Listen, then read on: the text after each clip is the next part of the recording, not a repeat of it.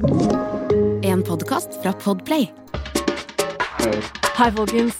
Dette her er ikke din run of the mill-podkast. Det her er Fytologi. Jeg er Maria Moen. I'm her. I'm she. You're pretty,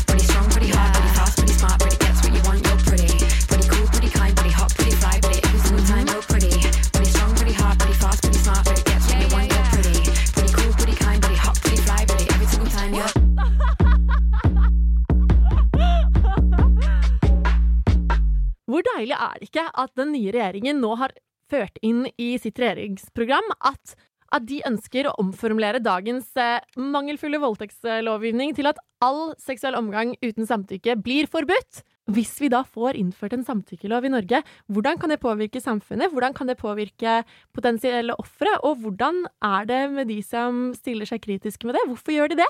Jeg skjønner ikke det. Dette skal jeg snakke litt mer om seinere. Og hvordan kan det egentlig med en samtykkelov være gunstig for begge partner?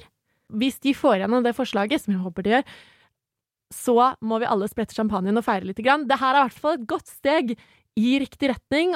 For hva skjer egentlig når du har opplevd seksuell overtramp og skal prøve å versere deg ut på det seksuelle territoriet igjen? Hvordan skal man eh, gå frem? Hva kan man gjøre? Hvordan skal man deale med ulik sexlyst i et parforhold, og hvordan kan man gjøre at foreplay blir litt bedre?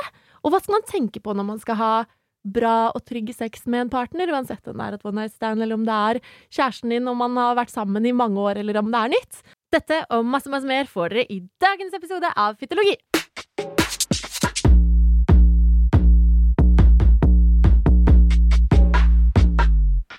Hei, hei, hei. Har dere savnet meg? Nå er det lenge siden sist, og jeg har med meg Camilla Sørensen, sexolog under utdanning og parterapeut. Også driver av kontoen Kjærlighetsterapeuten på både Instagram og Snap. Har du TikTok òg? Jeg har TikTok, men jeg har ikke kommet helt i gang med det. Jeg må bli bedre på TikTok. TikTok er jo Ja. det beste nå. Ja. Eh, Jeg, jeg anbefaler alle å drive med det, men jeg, driver, jeg, jeg legger ikke ut så mye sjøl. men, men det er jo der man virkelig treffer folk. Ja. For den algoritmen er jo helt super på eksponere innholdet ditt. Der har man, der har man eh, Du som har så mye bra budskap, det må du rett på. Jeg skal ta og, og, og følge opp den. Ja, det ble litt bransjeprat der på starten, men Men ja, du em, Camilla, i dag skal vi snakke om dette her med ulik sexlyst, og nå Mm. som vi har Og ja, jeg må jo selvfølgelig starte med at vi skal, med den nye regjeringen, få en ny lovgivning. Altså ikke ny, men de ønsker å omformulere dagens mangelfulle Viktig å melde det. Veldig mangelfulle lovgivning når det kommer til seksuelle overgrep. Mm. Fordi per dags dato, og dette vet ikke folk, så dette her skal vi snakke om Folk vet ikke det, at i dag, per norsk lov, så holder det ikke å si nei Mm. når noen prøver å ha sex med deg. Det er ikke per norsk lov definert som voldtekt. Er ikke det sykt? Det er helt sinnssykt, og dette er, det er bare på tide Mm, at det, det skjer en endring nå. mm. Og jeg tenker jo mest Altså sånn De færreste vet dette. Det er Mm. ingen som vet det. De tror jo Folk tror jo De som er størst motstander av en såkalt samtykkelov, er jo sånn Ja, men herregud, vi har jo allerede lover i Norge. Mm. Nei, men vi har ikke det! Det er en grunn til at den kommende regjeringen formulerer det slik at vi skal endre eh, formuleringen på lovgivningen slik at all seksuell omgang uten samtykke blir forbudt. Det vil si, det er per dags dato ikke lo... Altså, det er ikke ulovlig å ha sex med noen uten å få samtykke. Eh, eller uten at de har lyst. Det er fritt fram, som jeg sier. Og da provoserer jeg mange, men det er sant! Det er dessverre sant, og det er jo helt tragisk. Og mange tror at de ikke har blitt utsatt for et seksuelt overgrep på grunn av at de eh, ikke var i stand til å si nei, eller å prøve å komme seg løs. Mm. Men det er jo allikevel et overgrep. Ja. Men mange føler ikke at de vinner saken, eller nei, men de tror at de ikke ble utsatt for det. Mm. Men det ble de. Mm. Ja, for det er mange som ikke engang vet hva et overgrep er. Ja. Eh, men så får de masse, masse følelsesreaksjoner, og det skal vi tilbake på nå veldig snart. Mm. Men altså Aller først vil jeg også si det at det er veldig mange, de som får vite at lovgivningen ikke er dekkende nok, Mm. er gjerne de som har blitt utsatt for et overgrep, og går og anmelder det. Og så får de, enten i retten, selv om de har masse beviser eh, på at de har sagt nei, at det ikke var frivillig, eh, så får de høre det at nei, men det er ikke nok. Nei, for det er ikke noe lov å dømme dem etter. Fordi så lenge ikke det har vært vold eller trusler til stede, eller du har vært bevisstløs, eller at du har sovet, så, så har det ikke er det ikke en voldtekt per dags datos lovgivning. Og det er det som er så sjukt! Og Mm. der er det masse kjempetraumatiserte. Vi vet jo allerede at det er kjempefå som anmelder i Ja. utgangspunktet, for det er så tungt. Det er veldig tungt. Og det å komme og anmelde og gå gjennom alle disse traumene på nytt, og så får du bare høre at det blir henlagt, for det er ikke noe lov som, som dekker det. Mm. Så, så det er jo ofte så er det de fleste sitt møte, første møte med at den lovgivningen er mangelfull, er når du sitter hos politiet, har blitt voldtatt og anmelder det og får en henvendelse slengt i bordet. Mm. Og det er synd! Det er veldig synd. Og så blir man også forberedt på at saken blir mest sannsynlig henlagt pga. manglende bevis. Og, og man Det er jo Selv om man Altså åh, Ja, Jeg blir så irritert. Og, men, det er helt tragisk. Ja, og jeg stilte jo, jeg stilte jo eh, nylig opp i en, eh, et intervju på NRK. Den, en av de første sakene som er skrevet om at regjeringen vil endre ordlyden i lovverket. Ja. Så, så fokuserer de De kaller det igjen en samtykkelov. Og, for det er jo Ja, det er en samtykkelov, men de skriver jo selv at de vil endre ordlyden. De vil endre formuleringen. Em, og de spiller på dette. De intervjuer de samme som um, jeg skal ikke nevne noen navn, men de intervjuer en viss uh, høyrepolitiker som alltid går hardt ut i media mot samtykkelov, og jeg tenker bare er, er det Hvordan kan man gjøre det? Altså, herregud. Det er helt sykt. Ja, altså, når Jeg vil jo også si at en samtykkelov, altså det å eh, implementere det at eh, all seksuell omgang uten samtykke er forbudt, det vil også beskytte mange menn, for da må de forsikre seg en ekstra gang, om at det er, eh, det er greit, da.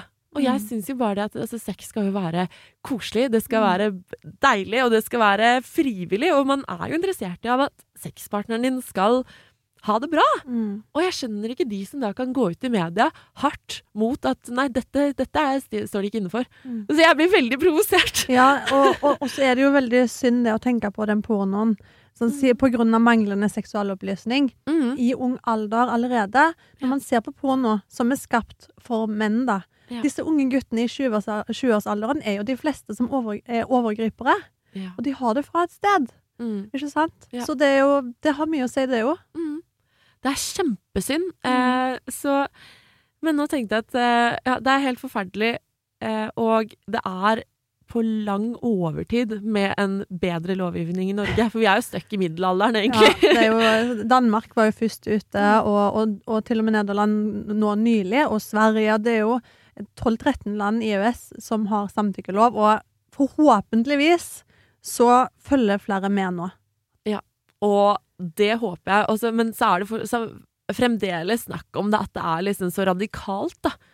er jo ikke radikalt å ønske at den du har sex med, har lyst til å ha sex med deg òg. Det er helt eh, Nei. Ja. Og så er det jo forskning på kroppslige reaksjoner, hva som skjer når man blir utsatt for noe som man kjenner går over grensen. Altså, forskningen er jo der. Mm. Vi har jo opplysningen. Det, må jo, det er en selvfølge. Ja. Det er en selvfølge. Altså, etter at jeg skrev kronikken min i TV 2, som fikk 300 000 lesere Jeg er så stolt. Vet du hva, jeg er jo kjempestolt av deg, Maria. Fantastisk. Men det er sånn, jeg Altså sånn, Folk blir sikkert drittlei av at jeg driver og snakker og maser om det her hele tiden, men helt fram til det skjer en endring, så kommer jeg aldri til å holde kjeft. Og jeg får faktisk da meldinger daglig av uh, både unge og voksne kvinner som har opplevd overgrep, og forteller Mm. sin, deres historie. Og det er, det er vondt innerst inni hjerterota at så Mm. mange har opplevd dette, men det er jo ikke overraskende engang. Nei, det er jo én av ti kvinner opplever det en eller annen gang i løpet av livet. Minst en gang. Ja. Eh, og så er det kjempemange som er Og jeg tror det er bare rapporterte tilfeller. Mm. Så mørketallene er store, som vi hører alltid. Og det er Nei, jeg jeg syns det, er det er så forferdelig, men jeg er veldig glad for at de som sender meg melding eh, og åpner seg for meg, jeg syns det er veldig fint Mm. at de, at de er trygg nok på meg til å dele sin historie. råder dem alltid til å søke profesjonell hjelp. For det er jo kjempetraumatisk, en sånn Ja. opplevelse. Og det, det, det fører Det følger deg jo hele livet. Eh, selv om det kan bli bedre. Ja, så det skal vi jo snakke litt om nå, fordi du jobber jo som eh, parterapeut nå, og du driver også med seksu seksuologisk rådgivning. Ja, ja, jeg veileder, tar prøveklienter og veileder innenfor eh, seksualliv, og det er jo kjempe, kjempegivende. Mhm. Men har du, har du kunder, eller jeg heter ikke kunder, har du klienter som eh, kommer til deg med en sånn problematikk med sexlyst og, sånn, og manglende sexlyst og en følelse av at sex for dem er utrygt etter at de har opplevd noe sånt?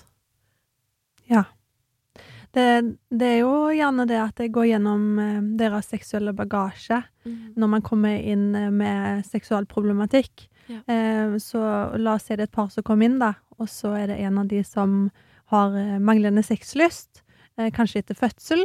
Eh, og så pleier jeg å ta individuell samtale for å finne litt ut av eh, hva er det du har i bagasjen din. Eh, og da kommer det gjerne opp eh, noen traumer noen ganger. Eh, eh, noen ganger så må jeg jo henvise videre. Jeg er så heldig som sitter Mm. på et hus med, med leger og kliniske sexologer med, som er psykologer i bunn. Eh, men andre ganger så, så eh, beholder jeg de sjøl, og så kan jeg hjelpe de. Mm. Eh, og, og så jobber vi parallelt eh, mellom forskjellige terapeuter, da. At Ja. eh, jeg kan bli samtaleterapeuten, og så går man til eh, i psykoterapi, eksempel, ved siden av. Eller for eh, andre form for klinisk behandling. Ja, for det er jo, eh, som jeg skrev i kronikken min, det er når du, blir, å, altså når du blir utsatt for sånne ting, når noen på en måte frarøver deg eierskapet til din egen kropp, så skjer det noe med din, ditt ønske og vilje, og selvfølgelig, er så, du er ikke så gira på, på å være intim, eller slippe noen inn, inn på kroppen din etterpå. Det blir Mm. kjempevanskelig og kjempeproblematisk. Og det, Mm. Sånn som det som har skjedd med meg nå nylig, så har jo mine gamle traumer blitt dratt opp igjen fordi jeg, opp, altså fordi jeg har opplevd eh, ganske jævlig seksuelle overtramp nylig. Og da er det jo sånn at da har ikke jeg lyst til å dele kroppen min med noen. Skjønner jeg. Og, og det er vel Det er jo kjempevanlig problematikk. Mm. Um, det går jo bedre Altså sånn Det er helt fantastisk hva det gjør for meg å kunne skrive om det og snakke om det og sitte på direktesendt nyheter og, og si Og snakke om denne problematikken fordi det er så utbredt. Eh, for da føler jeg at jeg tar tilbake makten igjen, og da tar jeg tilbake eh, eierskapet over den tematikken. Mm. Så det har hjulpet. Og herregud, legen min til og med! Ja. Hun er jo så søt. Hun sa til meg Maria, driver ikke du og skriver og sånn? Har ikke du podkast sånn? Du må snakke om det her. Du må skrive. Kan ikke du skrive noen bøker? Du har opplevd masse, men jeg tror det er bra for deg. Hun er så rå. Hun er, snakker rett fra levra og er veldig kul. Og hun er veldig med på den der det å skrive om det og snakke Mm. om det. og Altså, Man trenger jo ikke å være så, så altså, Dra den så langt som jeg gjør, da, og snakke om Mm. det så offentlig, hvis man ikke er komfortabel med det, selvfølgelig. Men det å skrive, det å prosessere det gjennom å skrive, det er jo kjempegod måte å, å jobbe gjennom det på, og Mm. ta tilbake eierskapet over det som har skjedd. Mm. Eh, men ja, litt sånn Hvordan jobber man med den eh, manglende sexlysten? Hvordan jobber du med det? Eh, Nå kommer det jo litt an på hva som er tilfellet, Mm. eh, ikke sant? Først avdekker man jo eh, den seksuelle historien, og så må man jo gå gjennom litt eh, sykdomsbilde og, og historikk og livsstil, rett og slett. Og til og med spisevaner går vi, går vi inn på. Eh, fordi lyst er lyst. Ja. Eh, og, og spiser du klokka elleve på kvelden en tung middagsmåltid og føler deg mett, hvordan i all verden kan du plutselig få lyst på sex når du legger deg eh, da? Ja, nei. Eh, Så, så, så bare noe som det, da, å ha gode spisevaner, gode søvnrutiner, eh, rutiner, eh, være i fysisk aktivitet, gjøre noe som gleder deg, ha det godt i parforholdet sitt. Og så er det jo selvfølgelig den seksuelle bagasjen eh, som, som veldig mange har, eh, der man har opplevd noe krenkende. Som, som hukommelsesbildet husker.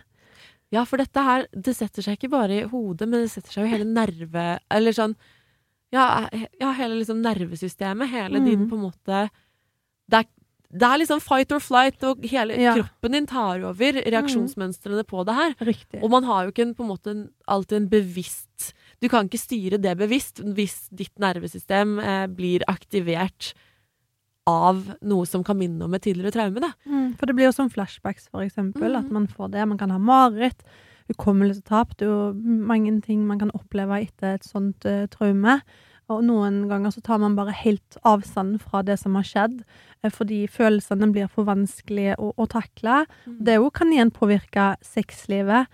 eh, Den følelsesbite delen, da, den tryggheten, at det bare blir en seksuell aktivitet Mm. fremfor noe trygt og godt og følsomt. Eh, Så man, eh, man reagerer ulikt, og PTSD er jo veldig vanlig å kunne å få. Veldig mange får det etter et seksuelt eh, overgrep, og mange forteller jo ikke om overgrepet og lever med, med det uten å vite om det. Og så kan de ikke leve det livet som de egentlig ønsker, mange av de selvfølgelig, men for andre så går det helt fint. Mm. Ja, for jeg har jo det, er, det er som sagt mye bedre nå, og em, må jeg dele litt, da. Men jeg har jo eh, forrige eh, Jeg var Hadde Forrige gutt jeg hadde sex med, det var en fyr som var skikkelig ålreit. Han var skikkelig snill. Han var skikkelig Han var bare så høflig og gentleman og bare Altså, han Nei, han var bare så ålreit. Han, var han var en bra fyr. Mm. Og da føltes det trygt, etter at vi hadde liksom prata lenge og blitt litt godt kjent over lengre tid. Da føltes det trygt å ha sex med han, selv om ikke det nødvendigvis er noe seriøst. Eh, for det er absolutt ikke, det må jo ikke nødvendigvis være det, men da klarte jeg å nyte sex igjen, fordi hadde, vi hadde jobba litt med det. Jeg satte også veldig tydelige grenser og var litt sånn um, Nei, vi har, altså det, han føltes trygg, for Mm. han var veldig rolig, og han var veldig ehm, Han var veldig grei, da, veldig ålreit, og det var ikke sånn at jeg snakka om det i det hele tatt. Det, snakka jeg ikke om med han i det hele, hele, hele, hele tatt. Mm. Men det, han var han, var, han utviste en sånn trygghet, og jeg ble såpass kjent med han at jeg skjønte at han var en ålreit fyr. Sånn at det var trygt. Mm. Fordi det er kjipt å kjenne på den der at eh, shit, i hvert fall jeg som har vært liksom så seksuelt frigjort og vært sånn ja, ja, men herregud, sex er topp og woho! Mm. Og så skal jeg bare sitte og, og stenge meg inne og bare nei, nei, nei, nei, ingen, ingen får komme inn her. Men det er jo selvfølgelig lov, det òg. Og For det er jo sånn at eh, jeg har jo veldig lyst til å få tilbake et uh, sunt sexliv, men det er viktig å si det at man, selv om alle rundt deg har et tilsynelatende bra sexliv, så trenger ikke du å etterstrebe det hvis det føles feil for deg. Men jeg føler jo litt det at jeg gjerne ønsker å prøve igjen, men da er det veldig, veldig viktig for meg at jeg har en partner som jeg er trygg på, som jeg vet at er Som respekterer meg, og som respekterer grensene mine, og jeg trenger jo ikke å snakke om hvorfor, bare jeg setter tydelige grenser, som at eh, at jeg syns eh, jeg kanskje ikke vil ha sex med en gang, jeg vil ikke komme på besøk klokka tre om natta bare for å få meg et ligg, jeg har heller lyst til å Det trenger jo ikke å være noe seriøst, men bare jeg vet at det er noen som jeg kan være trygg på, som jeg vet at er en ålreit og god person, og som behandler meg og alle damer, og alle egentlig med respekt og omtanke, og er litt gentleman sånn, da. Og ikke bare skal ringe meg for å tømme Tømme rognposen. Men ja. Men det er godt å kjenne på at den sexlysten kan komme litt tilbake, da. Ja, Men den er veldig betinget nå i forhold til Før kunne jeg gi litt mer faen, men nå er den veldig betinget av at jeg må føle meg veldig trygg på den personen. Jeg Mm. må vite at det her er en jeg kan tørre å sove med ved siden Altså, jeg må vite at det er en fyr jeg kan tørre å sove ved siden av uten at det skal skje noe mer som jeg ikke har eh, kontroll over, da. Ja. Um, og det er veldig, veldig viktig. Ehm, så ja, nei, det er godt å, godt å kjenne på at det kan komme litt tilbake. ja, den ser jeg. Men eh, det er jo Det er ikke Altså, før så var sex veldig viktig for meg, men nå er det ikke det lenger. Jeg tror det har litt med at eh, At det er eh, At det har skjedd litt eh, dårlige ting der som gjør at jeg bare Nei, nå må jeg ha det, legge det litt på hylla. Mm. Og det Det er jo kjipt, men jeg tror at med en riktig partner og at man er godt kjent og er trygg på hverandre, jeg tror det er kanskje alfa og omega til å liksom kunne ha et sunnere sexliv igjen, da. Mm. Et sunt sexliv igjen. Ja. Nei, da, jeg, jeg, kom, jeg setter meg litt i tankeboksen her nå. Det er, Ja. det er mye, det er mye Ja. følelser knyttet til det. For det er jo sånn som du sier òg, mat og søvn og stress også. Alle disse tingene har jo innvirkning på Mm. sexlisten din. Og da selvfølgelig, hvis du er stressa og er litt i en sånn Litt midt oppi en liten traumereaksjon, så, så er det ikke det første som frister, rett og slett. Nei, det største seksuelle organet er jo hjernen, Ja! så det er jo der alt ligger. Mm, og det er jo Altså, når, man, når det kommer til alt sånn her, når man skal tilfredsstille kvinnen, det å Mm. få henne til å føle seg trygg, og at hun er avslappa, og det gjelder jo mannen også. Mm. Em, det gjelder jo alle, egentlig. At de er avslappa, de er trygge i situasjonen, og at man også da jobber eksempel med foreplay, da. Mm. Det å på en måte bygge opp foreplay og bygge opp lyst over tid, enten om det er bare den dagen, eller om det er gjennom hele uka. Ja, det er så viktig, fordi de fleste kvinner har jo egentlig ikke noe sånn av-på-knapp, sånn som mange tror. Ja. Eh, og mm, eh, sånn som når man er forelska i startfasen, så er det jo gjerne sånn at eh, um, mange eh, glemmer tid, og det spontanitet. Det er ikke noe typisk hverdag. Mm. Eh, vi skal ha sex døgnet rundt, mange av oss, ikke sant? Og så kommer hverdagen, det første året er gått, og så plutselig har man behov for noe annet enn bare penetrerende sex, hvis vi snakker om det. I Ja. dette tilfellet, da. Mm. Og så, så glemmer man kanskje den nærheten, den oppbyggingen, sensualiteten. Så man må jo egentlig hoppe litt tilbake igjen et par ste steg, fordi det tar jo kan, altså, En erigert penis kan ta veldig sånn kjapp, kjapp, rett Mm. opp, og så tar det litt lengre tid for kvinnen blir moden, da. Mm. Så, men det, er jo, det jo, blir jo ikke opplyst så mye om det noen steder. Nei. At uh, man trenger mer enn bare berøring på kjønnsorganet, og så kjører vi.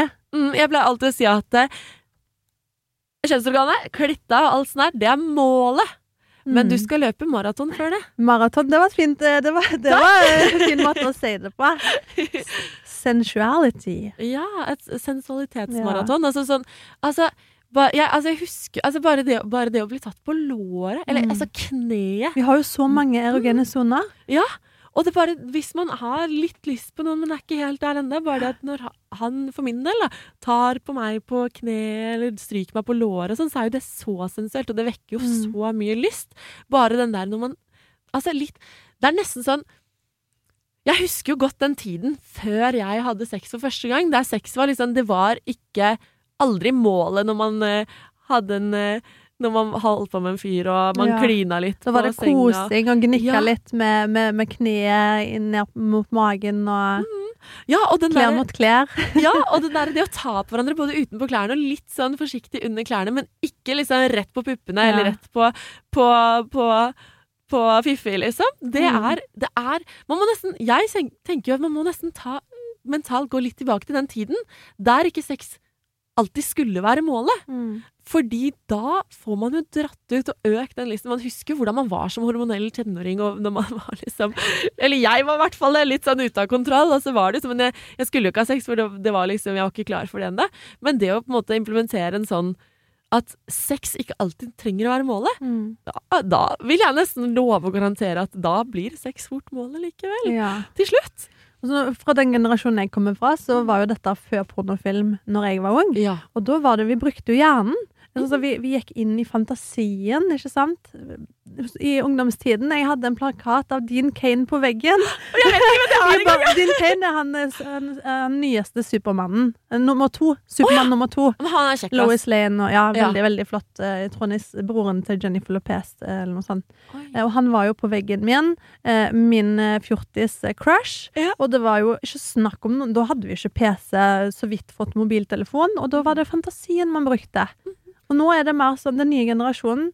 Slå på porno, søk opp ungdom, ung, unge gutter, unge jenter. Mm. Koble av fantasien, og så ser de bare på porno, og så er det det de får inn med teskje, da.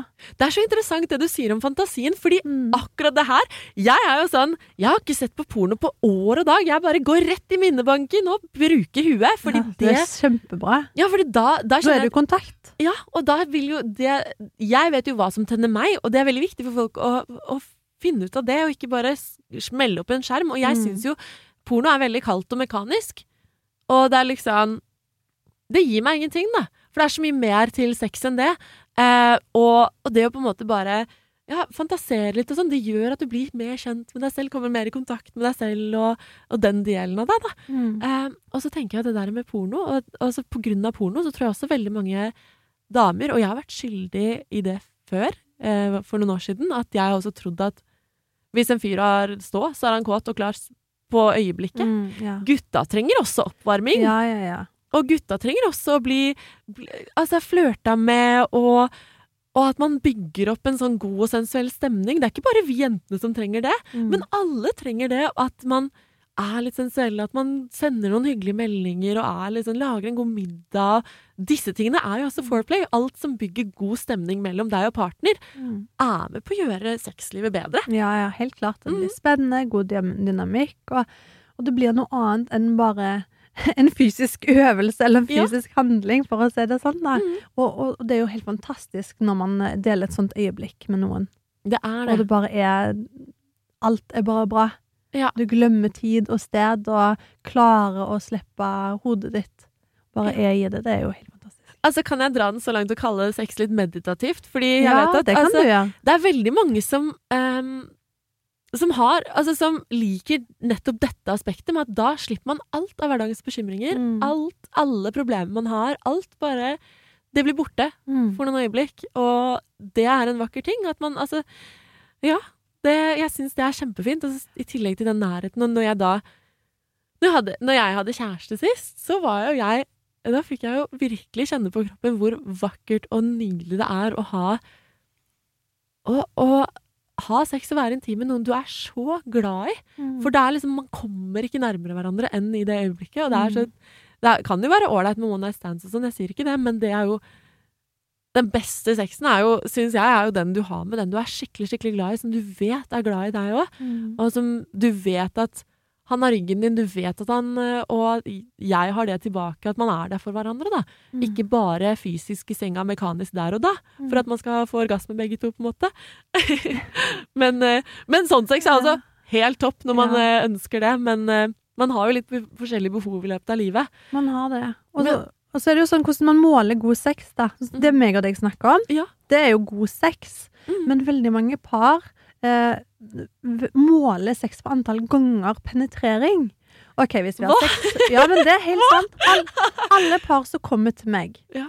eh, med ulik sexlyst så det er jo gjerne kvinnen som sitter Det har skjedd et par ganger at kvinnen er den med mest sexlyst, men det er, det er, mitt, eh, det er min nisje som kommer. Eh, og da er det jo sånn at eh, hun kjenner på dårlig samvittighet, og at hun er et problem fordi kjæresten hennes har eh, et mål om å ha sex to ganger i uka. Men så, så har man jo ulik sexlyst, og det å ha ulik sexlyst, det er jo helt normalt. Ja. Eh, og, og hva er din normale seksualitet, da? Kanskje ikke du har behov nå. Eh, noen er aseksuelle. Mm. Og så, hva er sex for deg, egentlig?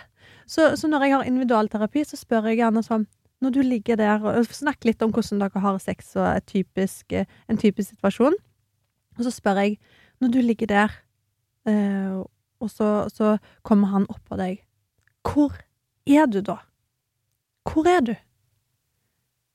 Nei, nei, da ligger jeg og tenker på hva jeg skal handle eh, på butikken, og, og sånne type ting. Og det, det, vet du hva, dette her er så vanlig. ja, det er så vanlig. Spesielt i, i parforhold som har vart over tre år pluss. Mm. Småbarnsforeldre eller noen som har vært sammen lenge, der man ikke Der man mister litt den tilkoblingen, da. Eh, At sex blir en vane blant ting man gjør. Mm. Eh, Men det er mulig å gjøre noe med dette her.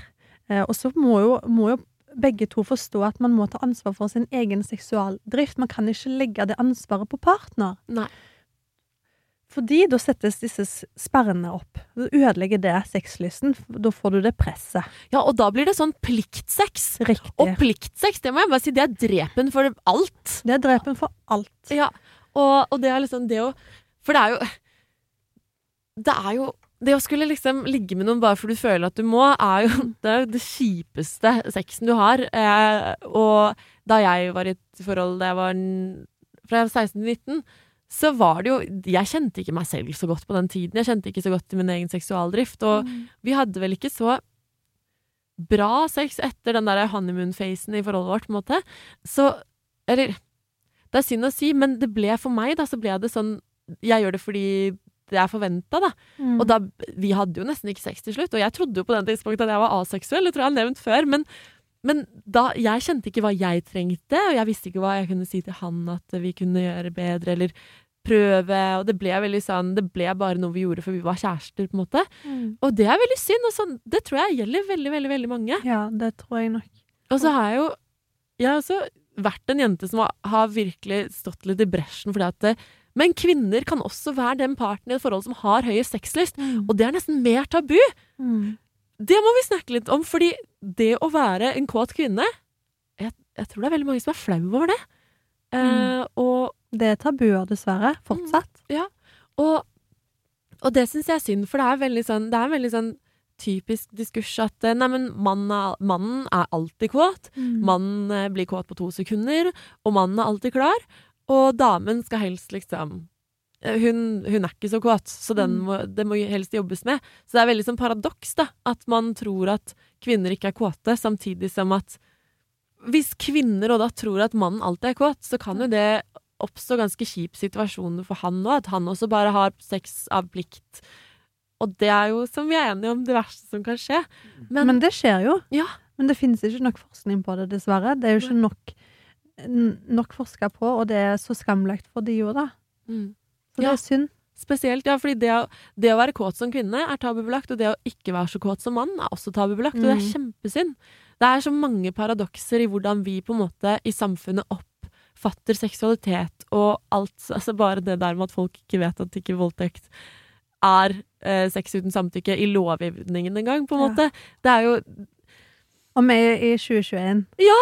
Og vi er jo så Altså, vi har Sex Education på TV, og altså, fy faen, for et bra program! Det Ja, har jeg elsker, elsker det programmet. Helt fantastisk. Mhm. Jeg var akkurat ferdig med den siste sesongen nå. Ja, ja, altså.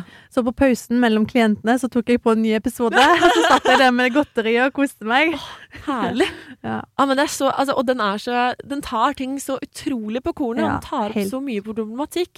Og det er så på høy tid at vi får litt sånne programmer òg. Og vi vet jo at det er dårlig seksualundervisning rundt omkring, og det er eh, Nei, det er bra dette kommer inn i, inn i populærkulturen. Og så er det fint at du har denne podkasten, og så er det fint at mange utdanner seg til sexologer nå. Ja! Og det, for det trenger vi flere av. For før var det jo bare sånn at du måtte ha sykepleierstudie eller et eller Mm. annet fra før. Men nå står man friere til å utdanne seg innenfor bare dette feltet. Ja, nå har man tre forskjellige utdannelser i Norge man kan velge mellom. Så, så det vil si at eh, markedet kommer til å bli større, og seksualopplysningen kommer til å endre seg totalt. Ja. Jeg fikk jo spørsmål av NRK, det, det valgte de jo ikke ta med, og det er du sur for. Ja. Men eh, hvordan jeg tror at eh, en eventuelt ny lovgivning hva det vil gjøre for eh, samfunnet, om jeg tror det blir mindre voldtekter av det. Og jeg sier jo da at Altså, det vil alltid finnes overgripere, men det er større sjanse for at det blir dømt. Så kanskje Mm. over tid, Ja. en, en tidsperiode på flere år, så vil det kanskje sende signaler ut i samfunnet som gjør at vi kanskje oppfører oss litt bedre mot hverandre. Mm. Og det er jo det største ønsket man har, da. Mm. Ehm, men Skal vi snakke litt mer om foreplay. Ja. Ja.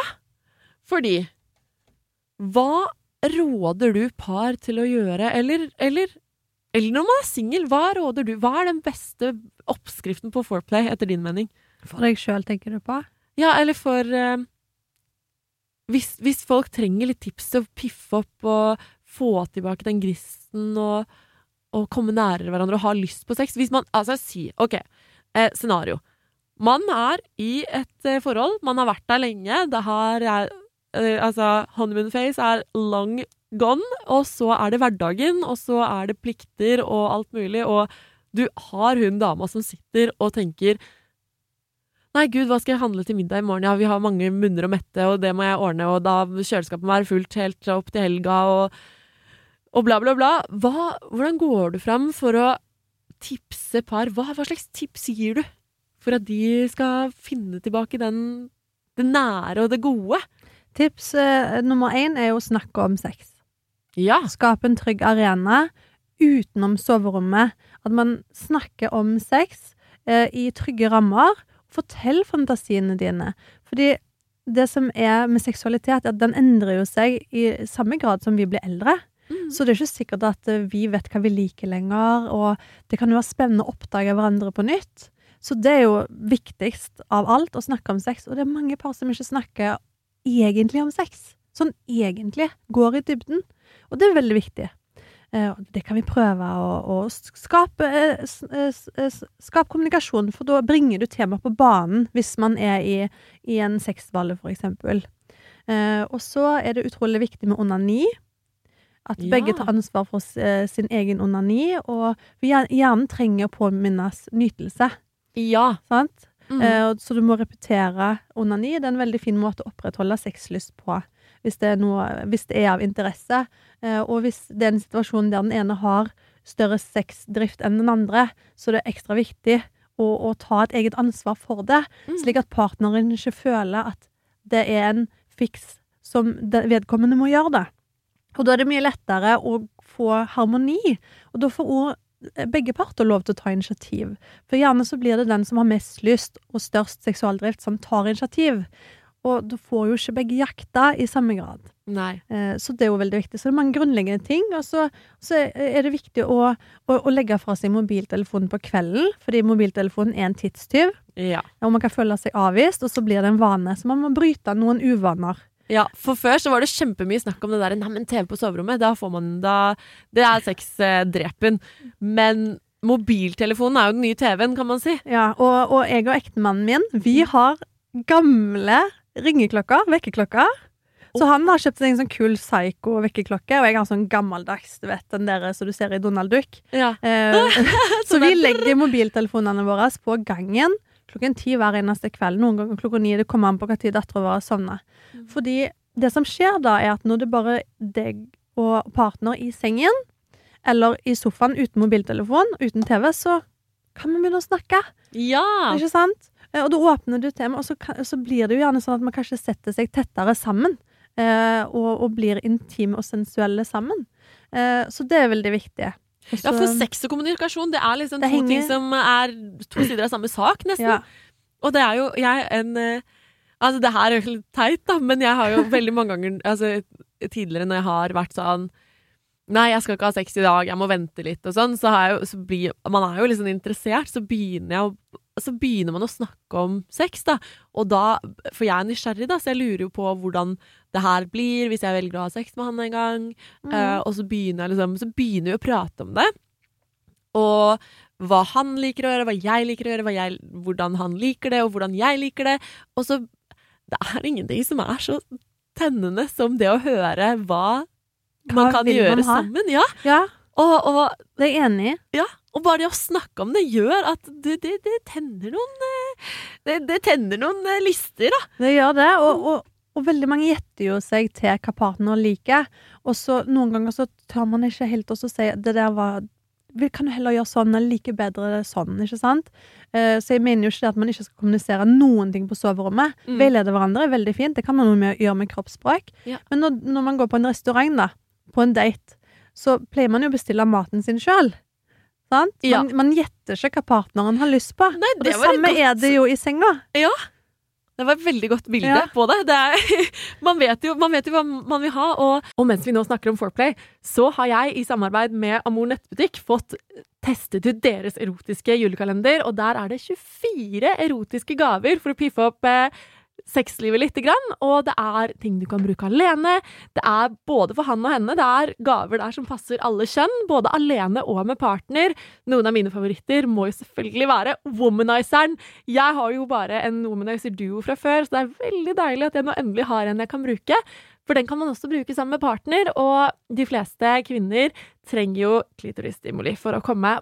Og womanizer den stimulerer jo alle 8000 nervevendinger som er i klitoris. Det er faktisk dobbelt så mange som penisen. Og den er kjempegod å bruke alene eller med andre leketøy, eller også sammen med partner. Og du finner prostatavibrator, terningspill for å piffe opp litt eh, det som skjer på soverommet, og masse andre godsaker. Så jeg vil gjerne bare gi et lite terningkast, og det blir definitivt et terningkast seks fra meg. Jeg skal ikke avsløre altfor mye av innholdet, men det blir en deilig og gledelig adventstid, eller nå, hvis dere også vil kjøpe den med en gang. Så ja, dette her er altså da en anbefaling i samarbeid med Amor nettbutikk.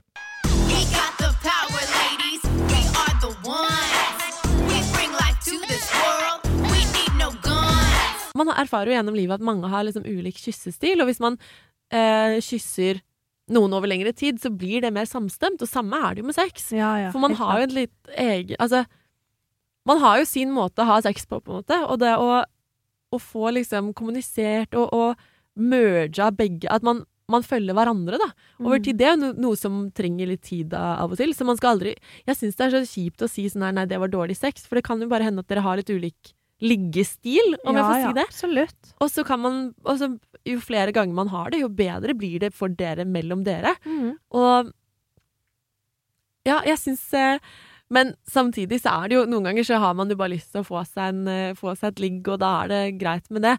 Men eh, jeg syns det er så kjipt, det der med dårlig sex. Og apropos eh, Apropos ulik sexlyst. Mm. For jeg husker at jeg fikk eh, noen spørsmål før sommeren om, Mm. om det der med at vi jenter, og det der med våthet For det er, jo ikke, det er jo ikke alltid sånn at når man er våt, så er man kåt. Samme som at det er ikke alltid en fyr er kåt bare han har en boner. Eh, men altså Hva gjør man som jente når man ikke blir tilstrekkelig våt? Det kommer jo litt an på om det er en seksuell eh, dysfunksjon, da. Mm. hva er problematikken bak det? Eh, det er mange som eh, har kjedetørrhet, blant annet, eh, og andre eh, kroniske lidelser. Eh, men det som er viktigst, er jo at du føler at kroppen er klar Mm. før du slipper noe inn. Ja. Eh, og, og, og hvis du har kjedetørrhet, så finnes det jo Multigun har jo et eget produkt for det, Ja. eh, som, som man kan prøve. Eh, så det viktigste er at du ikke slipper inn noe uten at du har lyst. At du føler at du er klar, og da kan du bruke glidemiddel. Mm. Ikke sant? Eh, så det kan man jo gjøre. Men, men det er jo veldig mange som, som har, eh, har seksuell dysfunksjon, og det kan være eh, alt mulig. Rett og slett. Og da det, kan det jo være greit å snakke med legen sin, eh, og gå til en sexolog eksempel, og finne litt ut av hva kommer det av. Det kan jo være noe klinisk. Og hvis man har smerter, så må man alltid gå til legen. ja, fordi vaginisme og sånn er ikke så mye eh, Det er ikke så mye forska på. Nei, det er ikke så mye forska på, og det Jeg vet jo Jeg hadde jo det da jeg var Da jeg var eh, ganske ung, men det var fordi jeg hadde hatt så mye pliktsex. Hadde hatt så mye sex uten at kroppen min var klar eh, for det, da. Mm. Eh, og da begynte det jo bare å lukke seg helt. Man kunne ikke tatt inn en q-tips engang, på en måte. Um, Mm. Og det var jo så smertefullt og så vondt, og da husker jeg at jeg gikk jo til legen, og under en gynekologisk undersøkelse der jeg da faktisk slappa helt av, så var det sånn at det er ikke noe problem her, liksom. Mm. Og, og det, er altså, det er så viktig å, å være klar og være til stede i øyeblikket. Mm. Tilbake til det her med overgrep, for det er jo en kjempestor problematikk. Mm. Um, og det er så mye mer utbredt enn man skulle trodd. Og jeg ranta om det her på Story nå nettopp fordi da jeg hadde vært og skulle gjøre mitt andre eh, direkteintervju på nyhetskanalen, så var det en reporter som jobba med saken, som sa du kan jo gjerne si at eh, de fleste menn er greie og snille, da. OK. Men det undergravde jo hele poenget i saken min om at det er så utbredt. Det er en så gjengs dårlig kultur, og kanskje dette er et generasjonsproblem i min generasjon også. Mm. Eh, kanskje av det med porno som du nevner, at man bare tror det er rett på, rett frem, og nå skal man ha, og det skal man få. Um, men det er jo det, det Problematikken ligger med det at det er så mange som ikke, for det første, ikke vet hva overgrep er. Altså, de vet ikke at det ikke er lov å ligge med noen mens de sover. Det har jeg opplevd mange ganger, men da har det jo vært noen ganger eh, med en fast partner som som jeg er trygg på, og som jeg har Som jeg er klar for å ha sex med hele tiden. Men det er ikke alltid tilfellet, for du kan også oppleve overgrep i et parforhold, for eksempel. Ja, absolutt. Og, og for det er jo det som folk ikke vet, Mm. er at er ikke han fyren bak en busk som hopper frem med øks og truer deg til å det ta er Det er gjerne noen du kjenner, eller en kollega. Ja. Det er alltid noen, Mm. stort sett alltid noen Mm. i ditt nettverk. Fordi vi kan jo snakke mer om det der med at når, når du har blitt utsatt for um, overgrep, så får Det var vi inne på i stad. Da får vi veldig mye fysiske reaksjoner og sånn. Men kan ikke vi snakke litt om det i, i øyeblikket der? Uh, for det er jo ikke sånn at man alltid klarer å si nei. Man klarer ikke å slåss. Man fryser til, og man klarer ikke Mhm. å motsette seg. Hvordan Kan du snakke litt mer om sånne, det som skjer i kroppen? Ja, det er jo vår overlevelsesmodus, vår alarmberedskap, som tikker inn. Eh, og, og det er jo nesten som en selvfølge at man ikke klarer å gjøre motstand noen ganger. Det kommer helt an på hvor, hvor du går, hvilken beredskap du er utstyrt med. Eh, Det er jo fluktkamp eller underkastelse som er vanlig. At du fryser, eksempel, og ikke Yes. klarer å gi en eneste lyd fra deg. Eh, Og hvis noen sover, så får man jo ikke gjort noe. Er berusa. De fleste overgrep skjer jo eh, på nachspiel og på fest, ikke sant? Eh, og på julebord, blant annet. Så, eh, så dette er jo helt normale overlevelseinstinkt som oppstår i hjernen din i øyeblikket. Eh, og det som skjer etterpå, er jo gjerne at man ikke forstår dette helt. Dette her er jo ikke noe opplyst om noe sted. Dette er jo Vi som sitter med, med kunnskapen, vet jo det, men de færreste vet jo det. Så føler de skyld og skamfølelse. Jeg kunne gjort noe annerledes. Hvorfor sa jeg ikke nei, for eksempel? Eh, hvorfor slåss jeg ikke? Og så ligger de der og er redde. Uansett hva som skjer, så er det, det er jo et overgrep uansett. Mm. Så, så det må opplyses om. At det, det at du ikke sa nei der, det betyr ikke at det ikke er et overgrep. For det er det jo. Det Du har ikke gitt ditt samtykke. Nei. Og det er lov å trekke seg når som helst. Det er lov å trekke seg når som helst. Er dere midt i akten, det er lov å stoppe. Du, du kan gå hjem. Det er helt lov. Og det er jo sånn, det er et sånn kjempeutbredt eh, sånn, eh, ligning på det her, Mm. som jeg elsker. Og det er jo det der at eh, OK, du inviterer noen du liker, Mm. over på en kopp te. Og så kommer de inn døra, og de setter seg ned i sofaen, og de har fått eh, utdelt eh, tekoppen, og du er klar til å gi dem te. Men så, uansett hvor de er, hvis de da sier 'nei, men jeg vil ikke ha te likevel', da står ikke du og heller glovarm te ned i halsen på dem, fordi de hadde jo sagt i stad at de skulle ha te. Mm. Og sånn er det jo ofte, og der, derfor tenker jeg en samtykkelov det ivaretar også potensielle overgripere på den måten at hvis de er sikker, 100% sikker på at jenta har lyst, eller mm, Hvis de er 100% sikker på at den de ligger med, har lyst, Mm. så er det ikke noe å være bekymra for i ettertid heller. Mm. Så det er bare et kollektivt ansvar alle må ta for å forsikre seg om at denne personen har lyst til å ha sex med meg nå. Mm. Uavhengig om de har hatt lyst til det tidligere, eller om de har gitt uttrykk for at de har hatt lyst til det tidligere. Hvis, hvis du merker at noe begynner å skje, hvis du merker, så er det Det, det skader ikke å spørre har du det bra. Nei. Og det er jo det som blir så fint med samtykkelov nå. Mm. Og det blir jo ikke bare et rammeverk det, Jo, det blir et rammeverk, rett og slett, i tillegg til at det er en lovgivning, og det er det som er så fint. For da Her har du reglene. Det står hva samtykkeloven er, hva du skal gjøre. Er du usikker, gå inn på samtykkelov.no og les. Eller på Amnesty. Mm. Ja, Altså- Amnesty er en kjempebra kilde til Ja. dette her, og alt eh, Veldig mye av den kunnskapen jeg sitter med, har jeg jo fått gjennom Amnesty.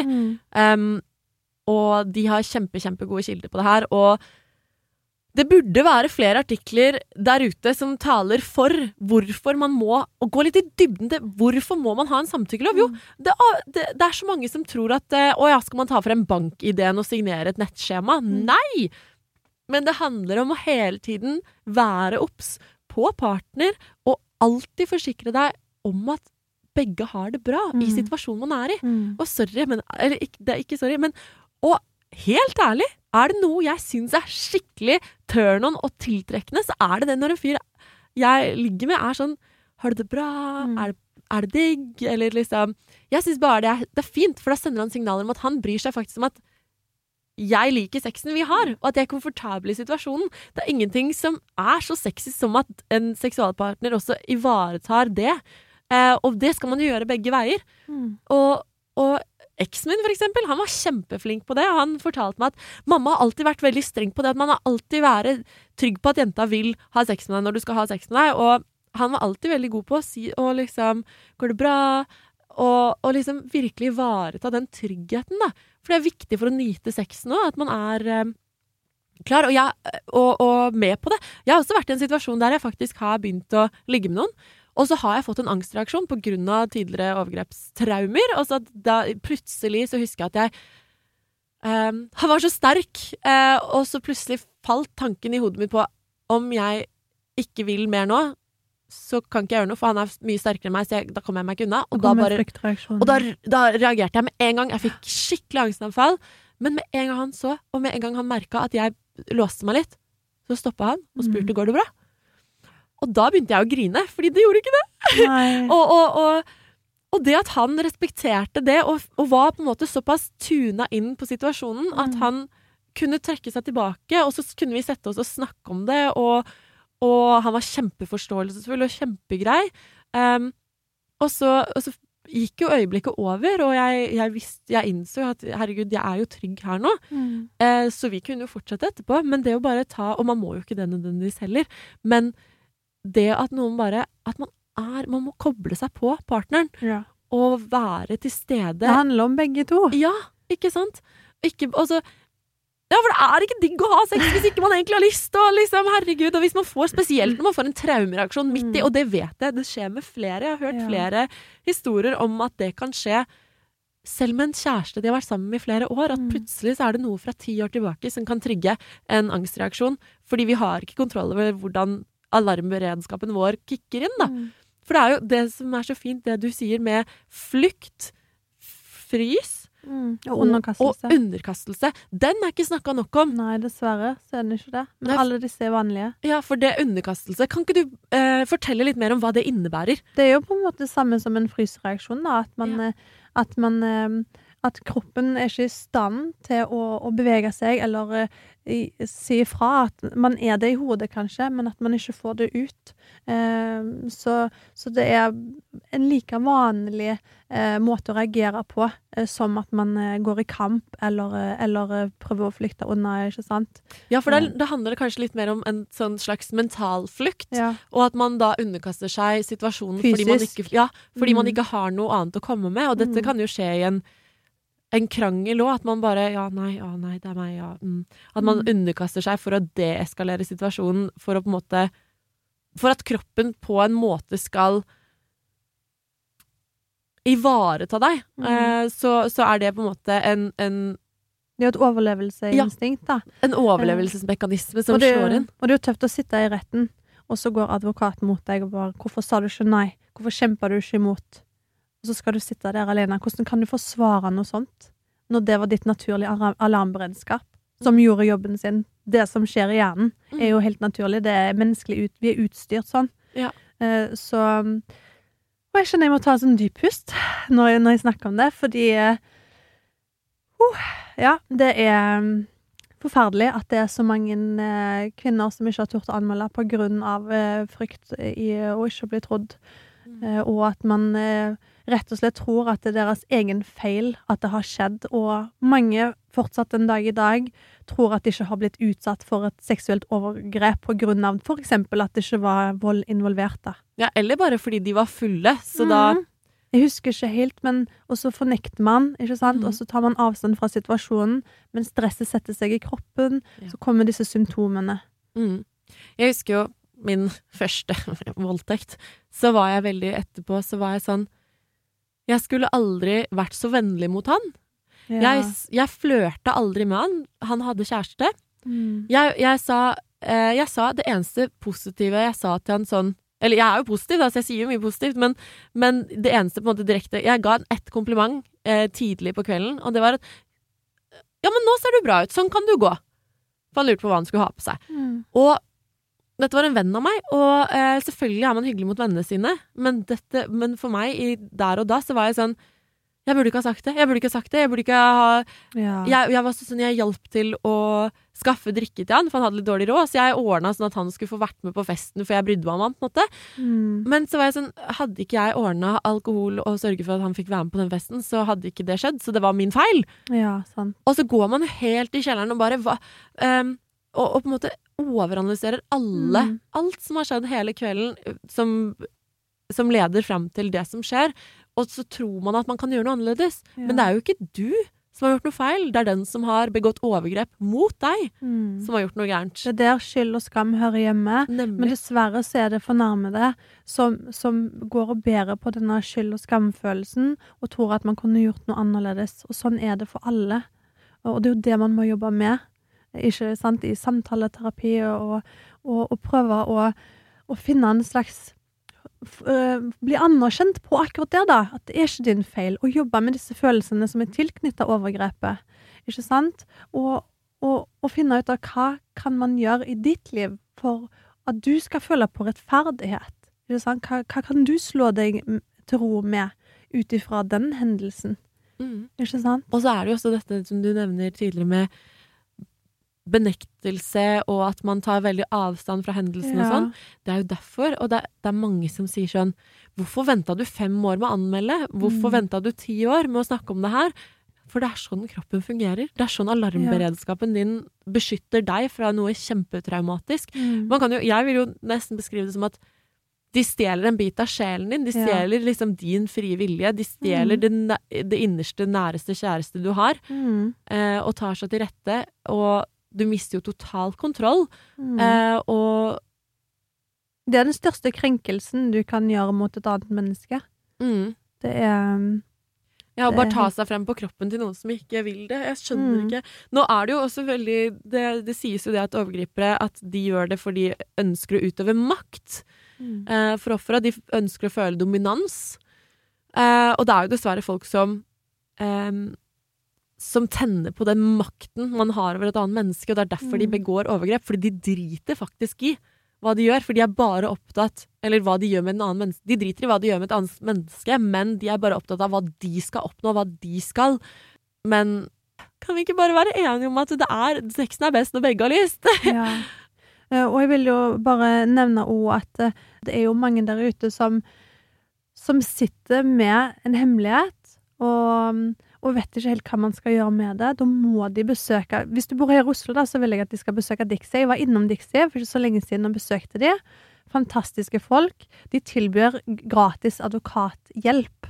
Eh, du kan få en samtale med en advokat for å snakke om, eh, om regelverket rundt Eh, Hvis man har lyst til å gjenoppta en sak som har skjedd for kanskje 10-20-30 år siden. eh, Og det er jo helt fantastisk at det finnes sånne tilbud i Norge. Eh, Og det er flere sånne tilbud, men, men det vil jeg bare nevne. Mm. Og det er anonymt. Det, de skriver ikke journal. Eh, Du kan gå der, og du trenger, du trenger bare si fornavnet ditt. Og så er det noen som sitter der og lytter til deg, og så kan du bare begynne å si høyt hva som har skjedd. Og det det som du nevner, når du skriver, når du snakker høyt, den bearbeidelseprosessen, det kan være med på å bidra til at skyldfølelsen og skamfølelsen kan flyttes der den hører hjemme. At det er en start, i hvert fall.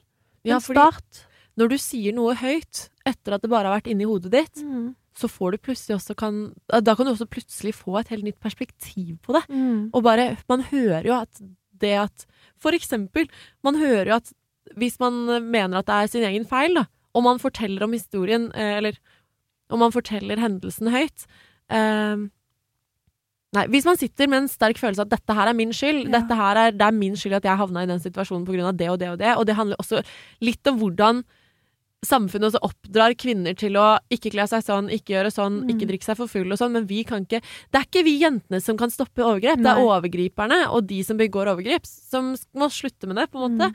Um, men så sitter man der, har en følelse av skyld og skam, og så Og så sier man Så for, forklarer man handlingsforløpet, og så får man kanskje noen aha-opplevelser og bare Mm. Det er jo helt latterlig at jeg sitter og har dårlig samvittighet eller føler meg skamfull over det her, fordi det er jo ikke jeg som har gjort noe galt. Mm.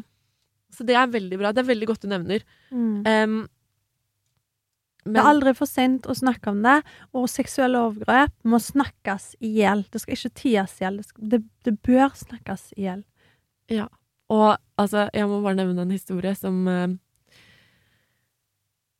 Jeg leste på Instagram her forleden at det var en jente som hadde blitt overfalt eh, og voldtatt her i Oslo, på by, ute eh, på gata, Mm. eh, og endte opp med at eh, politiet henla saken, Mm. for det var ikke bevis at hun Altså sånn som loven er, da. Det er ikke bevis nok at du har sagt nei, og det er ikke bevis nok at du har motsatt deg hvis ikke du har store nok blåmerker og sånne ting. Men hun hadde Jeg tror det var slik at hun hadde Hun hadde motsatt seg. Så han endte opp med å anmelde henne for kroppskrenkelse istedenfor. Ja. Uh, og det, altså hvis hvis det er traumatisk å få en henleggelse helt- slengt i bordet, så Ja. er det i hvert fall det å bli anmeldt av overgriperen din. Mm. Ja, Det er i hvert fall jævlig. det er helt sinnssykt. Mm. Og så er det jo sånn at uh, det finnes jo bøker man kan lese, uh, og for å kjenne seg litt igjen i hva er det man gjør i et terapiforløp. Og da har du Atle Austad, som, som, eh, som er sexolog og, og psykolog, som har skrevet en bok som heter 'Slipp meg fri'. Eh, og det handler om en, en kvinne som har vært gjennom mange store utfordringer i livet, blant annet seksuelle overgrep. Eh, så er det syv års terapi som endrer livet hennes. Da. Så det er en veldig sånn åpen bok der eh, som jeg vil anbefale terapeuter og, og alle å lese, egentlig. At man kan eh, kjenne seg litt igjen i det, og så se litt hva det går ut på. Og, og begynne å jobbe med, med en sånn prosess, da, for livet kan bli enklere. Ja, det kan det absolutt. Og man kan få eierskapet til egen kropp tilbake, og det Mm. tar tid, Det men det. det er absolutt mulig. Det er mulig gjennom samtaleterapi og psykoterapi. Det fins mange måter eh, man kan gjøre det på. Til og med meditasjonsbehandlinger finnes det òg. Så det, det er veldig mange behandlingsformer man kan, eh, kan få. Eh, så det er så viktig. Mm. Eh, det er så viktig. Ta tilbake livet ditt igjen. Ja. Og med det tror jeg vi runder av episoden. Tusen, tusen takk for at du har eh, kommet og snakket med meg i dag, Camilla. Det er alltid hyggelig å ha deg på besøk. Å, det er så koselig å være her igjen, og så Ja. se deg igjen, da. Ja, Etter sommerferien. sommerferien. Ja, den, den sommerferien, i hvert fall. Sommerferien min fra podkasten har vart i fem måneder. Det er jo kanskje litt lenge, da. Men takk for at du deler om dette her. Jeg er så stolt av deg, og jeg, jeg er så glad for at jeg sitter her nå, og at vi snakker om dette. Dette her tror jeg bare er begynnelsen på noe som, eh, som blir bra. At det blir mer åpenhet, og nå kommer samtykkelov, og ja, endring på tide. Det er det. Og jeg tror det er en, det er en generell holdningsendring Mm. i, i befolkningen nå. Jeg tror vi er på vei et sted. Ja. Så derfor, Jeg kommer aldri til å slutte å mase om det her. Så da får dere heller høre på neste episode hvis dere syns det er kjedelig. liksom Men, men jeg kommer aldri til å slutte å mase om det her før jeg før det skjer en endring, og før vi får et bedre samfunn som, der overgrepsofre er i bedre, bedre ivaretatt, og at holdningen ellers til alt dette med seksuell trakassering og overgrep har fått en varig endring. Tusen takk for i dag, og tusen takk for at dere hørte på. Du har hørt en podkast fra Podplay. En enklere måte å høre podkast på. Last ned appen Podplay, eller se podplay.no.